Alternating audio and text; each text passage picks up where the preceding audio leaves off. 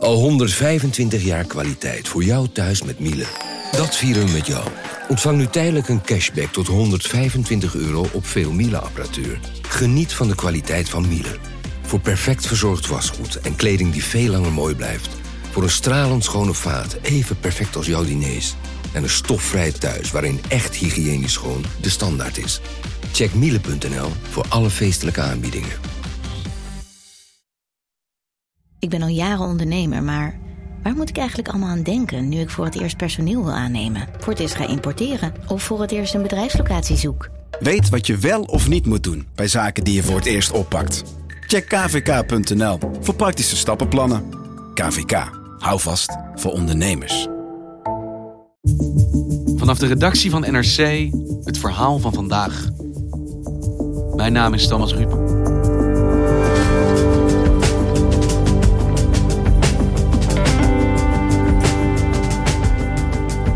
In het midden van Japan ligt het Suwa-meer, beroemd vanwege de mythe van de Omi-Watari. Als het winters vriest, dan krult het ijs, de stappen van een god die het water oversteekt. Maar dit jaar vriest het niet. Azië-redacteur Hanneke Chinafo ziet met eigen ogen hoe Japan wordt getroffen door klimaatverandering. Maar waarom dan toch al die kolencentrales?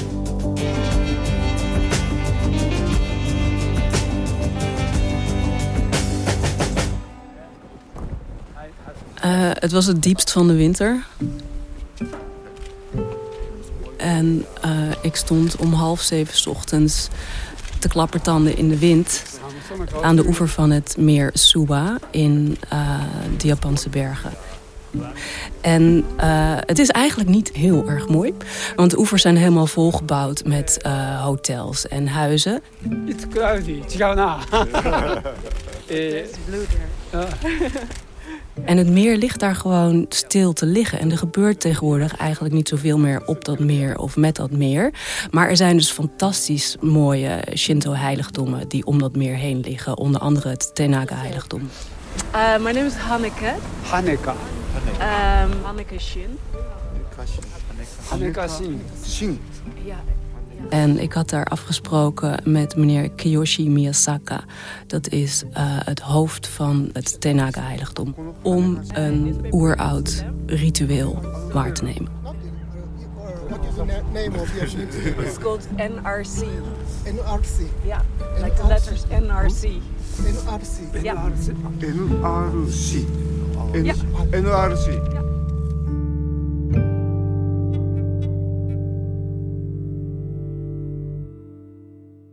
En priester Miyasaka, hij is de hoeder van het Omiwatari-archief. Al bijna 600 jaar volgen zijn voorgangers, hij is de 16e generatie, daar elke winter, in een bepaalde periode in de winter, waarop het het allerkoudst zou moeten zijn, of er een Omiwatari plaatsvindt. En dat is een fenomeen wat eigenlijk ook wel op andere meren in de wereld gebeurt, maar daar een bijzondere betekenis heeft. Namelijk als het meer helemaal dichtvriest in de winter, dan gaat op een gegeven moment het ijs scheuren.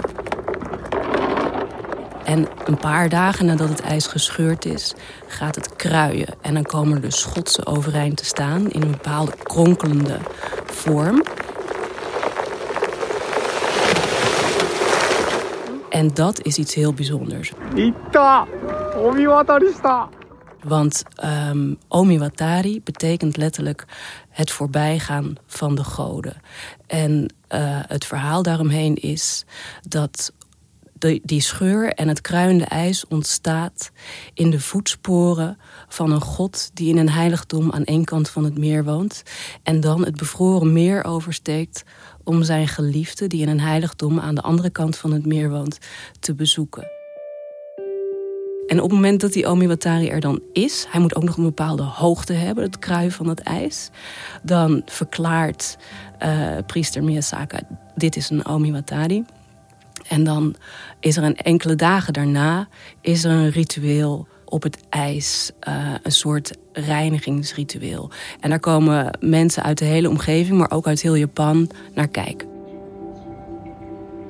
En ehm, de priesters houden er elk jaar precies bij of die Omiwatari er is geweest, hoe die eruit zag. En als er dan later in het jaar een overstroming was, dan dachten de mensen eh, het jaar erop: oh, als die rigel weer zo loopt, dan komt er misschien wel weer een overstroming. En zo probeerden de mensen honderden jaren geleden op die plek het weer en het klimaat en de wereld om hen heen te begrijpen. Dus is iets wat heel Japan kent. Iedereen kent dit fenomeen. Ja, het is heel bekend in Japan en het wordt ook echt gekoesterd. Dus iedereen in de regio Suwa hoopt elke winter op een Omiwatari. En de priester met wie jij afsprak, die ging dat ritueel voltrekken. Die ging aflezen uit het ijs wat voor een jaar wij allemaal gaan krijgen nu. Ja, dat hoopten we allemaal. En ik ging ook in het diepst van de winter daarheen. Uh, hè, omdat je dan de kans hebt om dat mee te maken.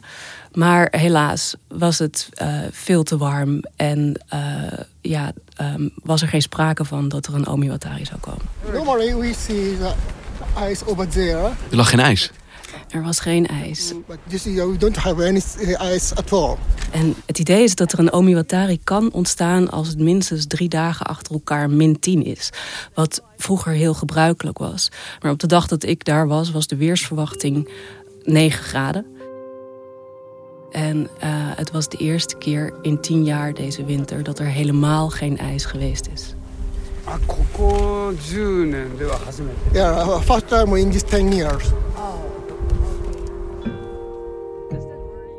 En die priester bij dat meer, die gaat alsnog elke dag meten, ondanks dat hij weet dat gaat niet gebeuren nu hier. Ja, en hij zegt ook: ik kijk ook naar het weerbericht. Uh, maar toch gaat hij in die paar weken dat die Omiwatari zou kunnen plaatsvinden, elke ochtend om half zeven met zijn thermometer, met twee collega's die ook thermometers hebben, naar dat ene stijgertje toe om eerst de luchttemperatuur te meten en daarna de watertemperatuur. En ze zijn ook niet alleen dan. Bedoel je niet alleen? Elke ochtend staat er ook een batterij Japanse journalisten om hen heen om deze temperatuurmeting waar te nemen. Ook al weet iedereen dat het echt geen munting kan worden.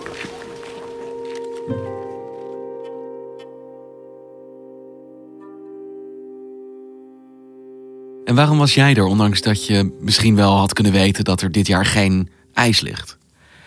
Ik um, vond het zo'n bijzonder ritueel. En zo bijzonder dat ze er gewoon mee blijven doorgaan. Dat ik dacht, dit is een fantastische manier om te vertellen over hoe Japan omgaat met klimaatverandering. Want hoe is dat? Wat zie jij in Japan gebeuren met betrekking tot klimaatverandering? Nou, er is natuurlijk veel discussie over hè, hoe, de, hoe de wereld de klimaatdoelen van Parijs moet gaan halen. En Japan is uh, natuurlijk een hoog geïndustrialiseerd land. Uh, maar je leest ook uh, veel discussie over het Japanse klimaatbeleid. Japan has been receiving increasingly negative public attention for its uh, dependence upon coal. Een van de uh, kritiekpunten is dat Japan de komende vijf jaar van plan is om 22 nieuwe kolencentrales te bouwen. The minister Kajiyama said that he is adamant that Japan will continue to use coal. Nou, we hebben net een podcast over gehad dat in Nederland er vier zijn bijgebouwd. En dat leidde tot ophef. Maar 22? Vanaf nu nog? Ja, uh, Japan is het enige G7-land dat nog zo actief investeert in nieuwe kolencentrales. En um, de regering zegt, ja, we zouden ook graag anders willen. Wij willen ook graag uh, zoveel mogelijk hernieuwbare energiebronnen. En uh, waterstof ontwikkelen tot een duurzame energiebron. Maar wij kunnen op dit moment nog niet anders. Want we zitten met de nasleep van de ramp in Fukushima. En Japan was in hoge mate afhankelijk van kernenergie. En ook in de toekomst willen ze dat kernenergie deel blijft uitmaken van hun energiemix. Maar het lukt nog niet om ze opnieuw uh, herop te starten, want dat is politiek allemaal te ingewikkeld. Maar dat klinkt wel als een worsteling. Want aan de ene kant zeggen ze we hebben energie nodig, dus daar gaan we kolencentrales verbouwen met een negatieve effecten dat op het klimaat heeft. En tegelijkertijd lijden ze dus aan de gevolgen van klimaatverandering. Want nou ja, er loopt geen god over het ijs bij dit meer. Ja, dat is dus uh, ook een kritiekpunt van uh, klimaatactivisten die naar Japan kijken. Die zeggen, hè, jullie uh, investeren niet genoeg in hernieuwbare energie. jullie uh, klimaatdoelstellingen waren al aan de magere kant. Dus Japan, doe het niet.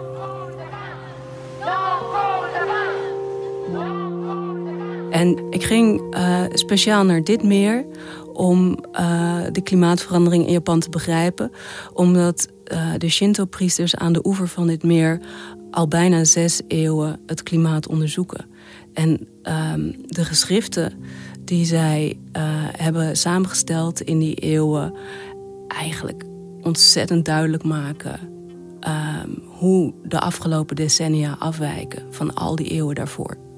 Een beetje zoals de spreadsheets bij het KNMI, waar je kan zien hoe, de, hoe het weer zich ontwikkeld heeft, maar dan honderden, honderden jaren terug. Ja, en het wordt allemaal zo ontzettend uh, uh, levendig als je met die priester samen uh, die geschriften bekijkt. Ik mocht de originele boeken niet zien. Die liggen veilig opgeborgen in weer een ander heiligdom.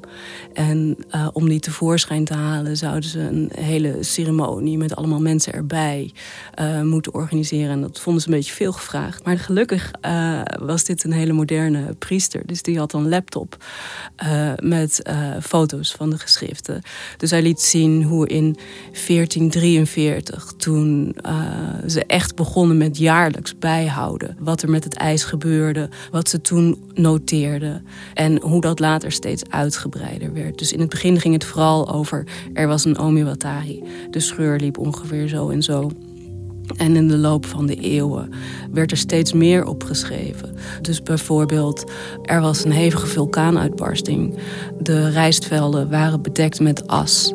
Er ontstond een hongersnood. De mensen moesten zich voeden met de wortels van het onkruid die niet aangetast waren. En in de afgelopen jaren zie je vooral het uitblijven van de Omiwatari. Want welke ontwikkeling ziet die priester dan in deze historische verslagen? Of welke ontwikkeling zie jij daaruit ontstaan? Vroeger in de uh, 15e, 16e, 17e, 18e, 19e eeuw was er eigenlijk bijna altijd een omiotari. Dan was het echt uitzonderlijk als hij er een keer niet was. Maar dat is allemaal veranderd in de tweede helft van de 20e eeuw. Toen bleven ze vaker weg. En sinds het jaar 2000 zijn ze zelfs 13 keer weggebleven. Dus is het vaker niet zo dan wel zo. Hij is er bijna nooit meer. Nee, 2018 was er wel een. En uh, nou, toen was iedereen natuurlijk heel gelukkig. Maar wat er toen ook weer speelde, is dat hij eigenlijk niet groot genoeg was. Dus dat hij niet de, de stekels, de ijsschotsen, niet de precieze hoogte bereikte. Maar ze hebben hem toch tot Omiwatari verklaard. Het doet me bijna een beetje denken aan uh, de rol die hier de Elfstedentocht heeft. Het is zo'n eigenlijk een soort ritueel waarin iedereen ziet hoe de winters zich ontwikkelen. Wat iedereen merkt. Ja, en het is hetzelfde verlangen. He, zoals wij naar de Elfstedentocht verlangen en ons afvragen of die ooit nog komt. Zo verlangen de mensen daar naar de Omiwatari. Want is er twijfel over? Ik bedoel, zou dit ja, een, een luwte kunnen zijn in de kou daar... die misschien niks met menselijk handelen te maken heeft? Ik sprak hierover uh, met uh, professor Yuichi Miyabara. Die houdt al twintig jaar kantoor aan de oever van het meer en bestudeert het. Hij is chemicus. En hij meet de temperatuur en de oppervlakte van het meer en op de bodem van het meer. Het is heel ondiep, het is maximaal 6 meter diep. Hij zegt, dit het komt toch echt door klimaatverandering. Dit is echt opwarming van de aarde die hier zijn werk doet. Want als dit meer en de rituelen rond dat meer zo belangrijk zijn, niet alleen daar in de regio, maar voor heel Japan, wordt het dan niet ook een soort symbool van de gevolgen van klimaatverandering waar Japan mee worstelt en misschien ook wel iets mee moet doen? Nou ja, we hebben eigenlijk allemaal hetzelfde probleem natuurlijk. Uh, in Japan uh, zie je dan weer hele specifieke gevolgen. Het is een land met heel veel verschillende klimaten. In het noorden is het echt heel koud. En in het zuiden, eh, bij Okinawa, is het subtropisch. En er, er zijn veel bergen. En je ziet dus op allerlei verschillende manieren dat het land last heeft van klimaatverandering. Je ziet dingen als dat het koraal in de subtropische zee verbleekt. Dat insecten oprukken naar plekken waar waar, mensen niet gewend is. En ook wel drastischer problemen. In 2018 was er bijvoorbeeld een hittegolf waar meer dan duizend Japanners uh, aan gestorven zijn. En um, in het hele land bloeit de kersenbloesem iets vroeger dan normaal. En het verwachte moment waarop die bloeit, uh, is wat grilliger geworden. Dus je kunt er niet meer op rekenen, oh ongeveer dan en dan komt hij. Hij komt vaak iets eerder. Dus die Omiwatari is een soort symbool van hartje winter dat eigenlijk uitblijft en die bloesem laat zien dat de lente eerder komt. Ja. Want hoe wordt daar gereageerd in Japan als je aan de ene kant een land bent dat dus hard getroffen wordt door de gevolgen van klimaatverandering, nu al, maar ook je kolencentrales gaat bouwen? Nou, Japan is een land waar, waar altijd uh, over de lange termijn wordt nagedacht. En Japan heeft dus nu ook de ambitie uitgesproken. Oké, we moeten misschien voor de middellange termijn toch met kolen aan de slag. Maar op de lange termijn willen wij volledig klimaatneutraal zijn. Dus hun ambitie is om in de tweede helft van deze eeuw volledig klimaatneutraal te worden. En ja, dan vraag ik, oké, dat is best een ruime tijdspanne. Kunnen jullie specifieker zijn? En dan zeggen de mensen liever 2051 dan 2099. Dus dat is het doel wat Japan stelt, vanaf 2051 klimaatneutraal? Uh, ja, ik denk niet dat je ze daarop zou kunnen vastpinnen, maar dat is het streven. Ja, maar dat is toch wel lastig hè? Als je aan de ene kant dus tientallen kolencentrales gaat bouwen en tegelijkertijd de lange termijn ambitie hebt om klimaatneutraal te worden. Ja, het is, uh, het is een enorme worsteling. En ze hopen gewoon dat ze waterstoftechnologie zo kunnen ontwikkelen. Dat ze, dat ze daar groot op kunnen inzetten. Maar dat is allemaal nog toekomstmuziek.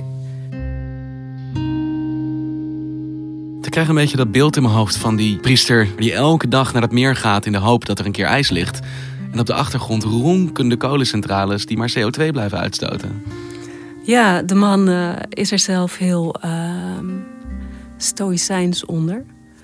Ik vroeg hem, wat gaat u doen als uh, er geen Omiwatari meer komt? Als hij nooit meer komt? Als hij nooit meer komt of als hij nog heel zelden komt. Uh, gaat u door met hier dan elke ochtend om half zeven op dit richeltje staan en de temperatuur meten? En hij zegt: Ja, natuurlijk. Ik ben de hoeder van dit archief. Ik moet die traditie doorgeven. Het is ontzettend belangrijk om op deze hele bewuste manier met uh, de aarde om te gaan. En ook als hij niet komt, moet ik hiermee doorgaan. En dan schrijf ik niet in de archieven dat er een Omiwatari was. Maar dan schrijf ik dat hij er niet was.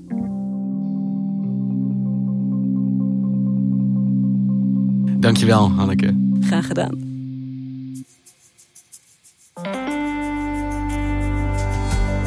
Je luistert naar Vandaag, een podcast van NRC. Eén verhaal, elke dag. Dit was vandaag, morgen weer.